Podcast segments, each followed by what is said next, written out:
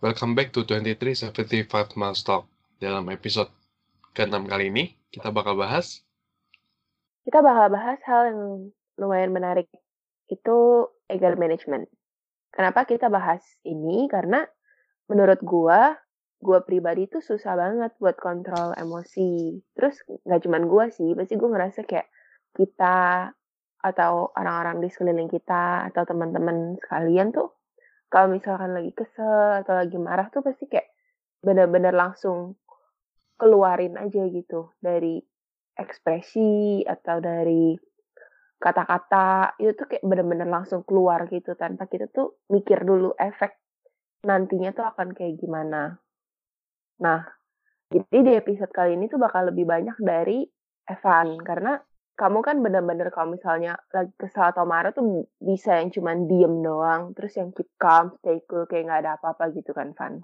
Nah, topik ini lumayan menarik karena kalau seandainya biasanya sesuatu nggak sesuai dengan keinginan kita, kita tahu gimana caranya untuk handle situasi itu supaya kita lebih tetap tenang, lebih sabar, dan anger kita nggak langsung meluap-meluap, langsung kita sampaikan kayak gitu.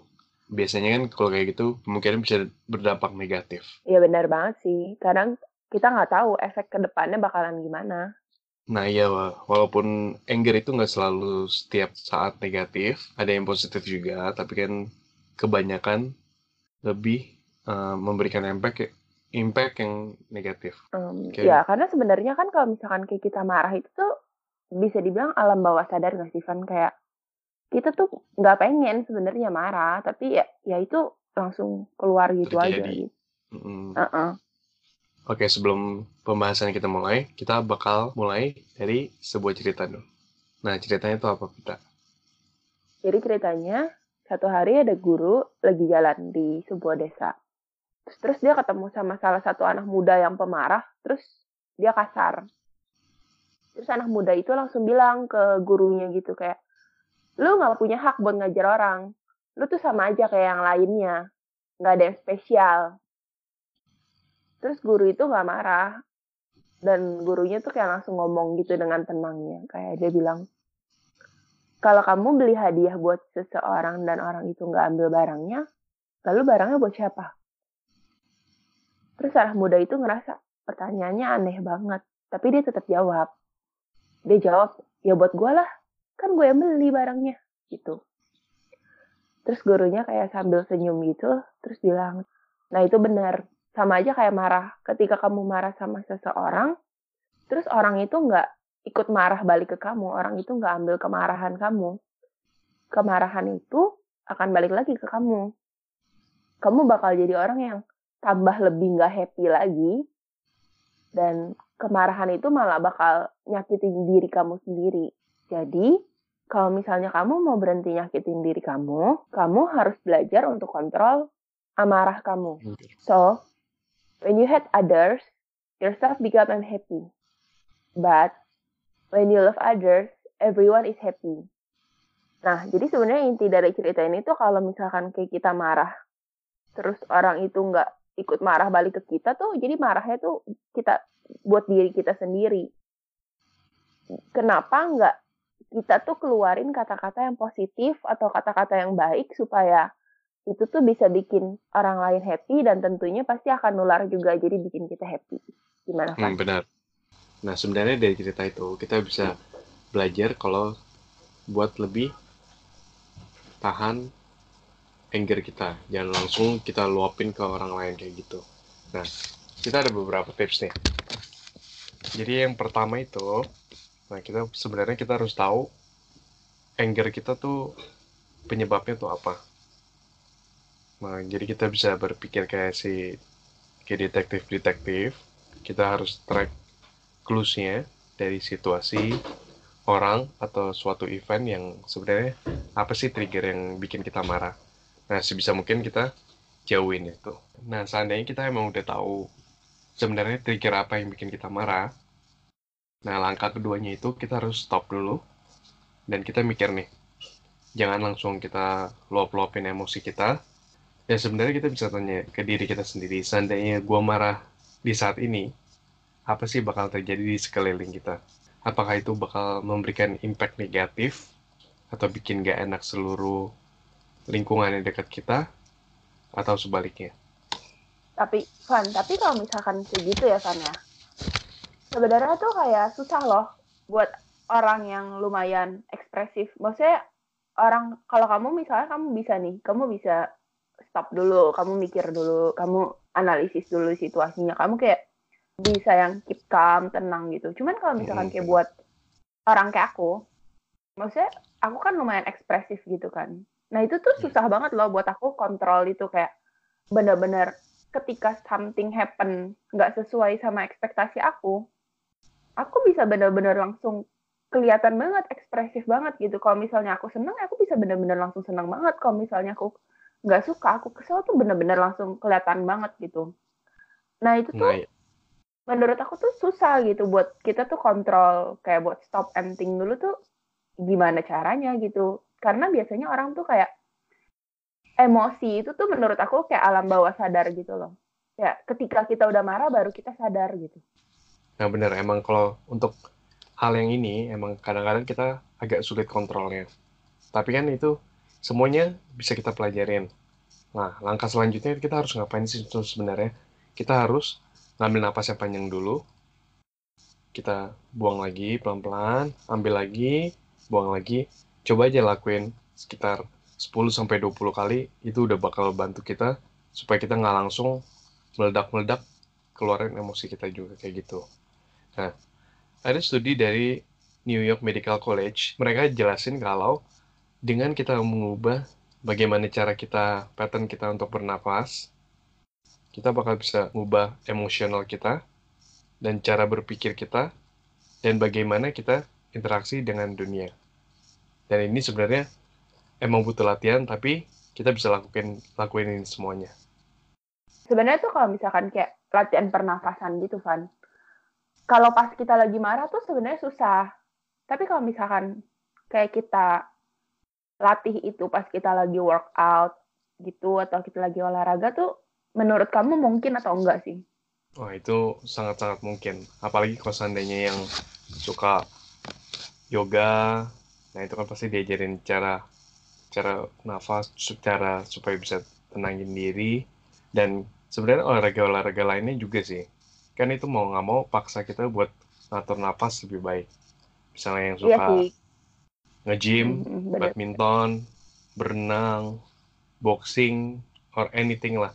Segala sesuatu mungkin olahraga itu. mungkin mungkin olahraga yang super simple banget kali ya Van. Kayak misalnya lari gitu.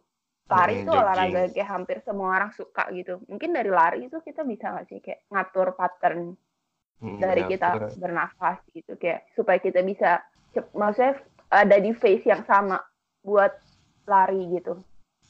Hmm, kita selagi kita ngatur nafas kita kita bisa kontrol emosi kita. Maksudnya kita reduce stres yang kita kumpulin. Itu kan langkah yang baik juga buat kita melepas stres terus tentunya bikin sehat jantung kita dan bikin sehat badan juga.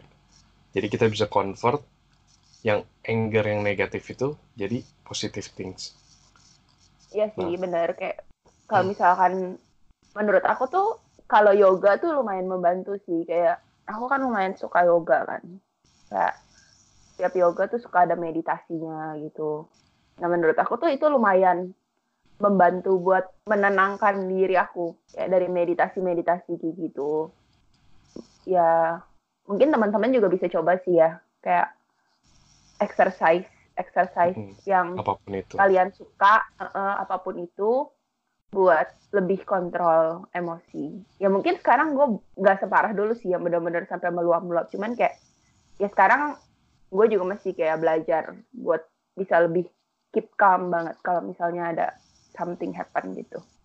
mm Sama kalau misalkan kayak kita lagi marah, kadang tuh gue dulu tuh gue mikirnya gini kayak, ya gue marah sekarang, nanti juga besok gue lupa gitu. Kayak gue tuh bukan tipe orang yang Pendendam. dendaman gitu. Mm-mm, jadi kayak ketika kita marah, maksudnya apa yang terjadi sekarang ya udah sekarang aja, besok besok nggak tentu gue inget lagi gitu sebenarnya tuh menurut gue ini nggak gitu bagus sih karena kita marah sekarang, besok kita lupa, tapi nggak tentu orang yang kita marahin tuh lupa. Ya nggak sih kan? Iya pasti dong. Nah, tapi menurut gue tuh susah juga kalau misalkan kayak gue diem dan gue nggak marah tuh gue bisa kayak kesel sendiri gitu loh. Dipendem-pendem. Nah, tapi tuh, uh -uh, tapi tuh sebenarnya banyak orang juga kayak misalkan, oke okay, oke, okay, gue mau tahan marah, gue gue nggak marah sekarang, tapi uh, mereka tuh bakal bahas-bahas terus gitu, kayak ketika ada masalah baru lagi, mereka bakal tetap bahas lagi yang sebelum-sebelumnya. Jadi kayak dipendem gitu loh. Nah, menurut gua anger yang kayak gitu juga lebih parah sih daripada yang bener-bener langsung hmm. keluar. Maksudnya gue nggak bilang diri gue bener kayak gue marah langsung keluar gitu. Cuman menurut gue akan lebih baik kayak ketika kita marah tuh kita nggak mendendam. Hmm, jangan sampai didendam jangan sampai kita pendem, juga sih sebenarnya. Iya, karena kayak menurut gue sendiri ya kayak ketika lu mendendam suatu amarah tuh itu tuh jadi bom waktu buat diri lu sendiri. Karena kayak namanya kita manusia tuh pasti kita ada batas batas maksimalnya gitu kayak ada batas emosinya gitu. Nah, ketika teman-teman marah terus kayak teman-teman jadi pendendam gitu, itu tuh malah jadi bom waktu buat diri kalian sendiri. Kayak menurut gue sih kayak ketika kalian marah yang benar kata Evan kita harus bisa kontrol sama kita bisa lebih let go aja nggak sih kayak let go things mm -hmm. that yang terjadi nggak sesuai keinginan kita gitu mungkin oh. akan ada yang lebih baik lagi ke depannya gitu nah tapi sometimes kita kan nggak bisa nih kadang-kadang kita gimana sih cara kita kontrol anger sendirian uh, sometimes kita juga bisa minta bantuan orang lain. Nah, gimana tuh kita kalau misalnya kita contohnya minta bantuan orang lain? Nah, misalkan kalau kita ban minta bantuan orang itu misalnya gini kayak kita tuh kesel banget, kesel banget sama seseorang gitu. Tapi kita kita kan belajar buat kontrol, kita nggak mau numpahin itu di dia. Nah, pasti kita punya inner circle yang benar-benar mau dengerin kita kan. Jadi intinya kita curhat sih sama orang lain kayak aduh gue kesel banget sama ini gini gini gini gini. Mesti kita ceritain kenapa kita kesel. Nah mungkin dengan begitu tuh kita bisa jadi lebih lega gitu. Kayak kita bisa lebih lega terus kayak teman kita juga mungkin bisa kasih masukan yang positif buat kita. Jadi hmm. kita bisa lebih kayak ah ya udahlah mungkin emang jalannya nggak sesuai sama apa yang kita pingin. Cuman akan ada hal lebih baik lagi nanti ke depannya kayak gitu. Sebenarnya sih dengan kita cerita ke orang lain tuh itu juga udah bisa menurut gue tuh udah bisa numpahin emosi kita sih. Tapi bukan sama orang tersebut cuman kita tumpahin ke orang yang berbeda dan penangkapannya juga pasti akan berbeda gitu. Tuh tentunya dari setiap segala sesuatu kita bisa ngambil dari positifnya. Tapi kita butuh pikiran positif juga buat ngeliat itu Nah, mungkin mungkin teman-teman bisa coba sih beberapa tips yang udah kita sampaikan tadi buat bisa hmm. lebih kontrol emosi, lebih kontrol amarah. Karena setiap hal yang terjadi sama kita, baik itu buruk ataupun baik, itu tuh pasti akan ada selalu ada sisi positif yang bisa kita ambil. Jadi akan lebih baik kalau kita lihat segala sesuatu dari sisi positifnya aja, jangan dari sisi negatifnya karena kalau kita lihat cuma segala sesuatu dari sisi negatifnya itu pertama kita bakal bikin kita jadi bad mood terus kita jadi nggak bisa move on ke depan untuk lebih baik lagi. So sekian tips dari kita. Semoga tips ini berguna buat kalian supaya bisa lebih kontrol anger kalian. So see you on the next episode. Bye. Bye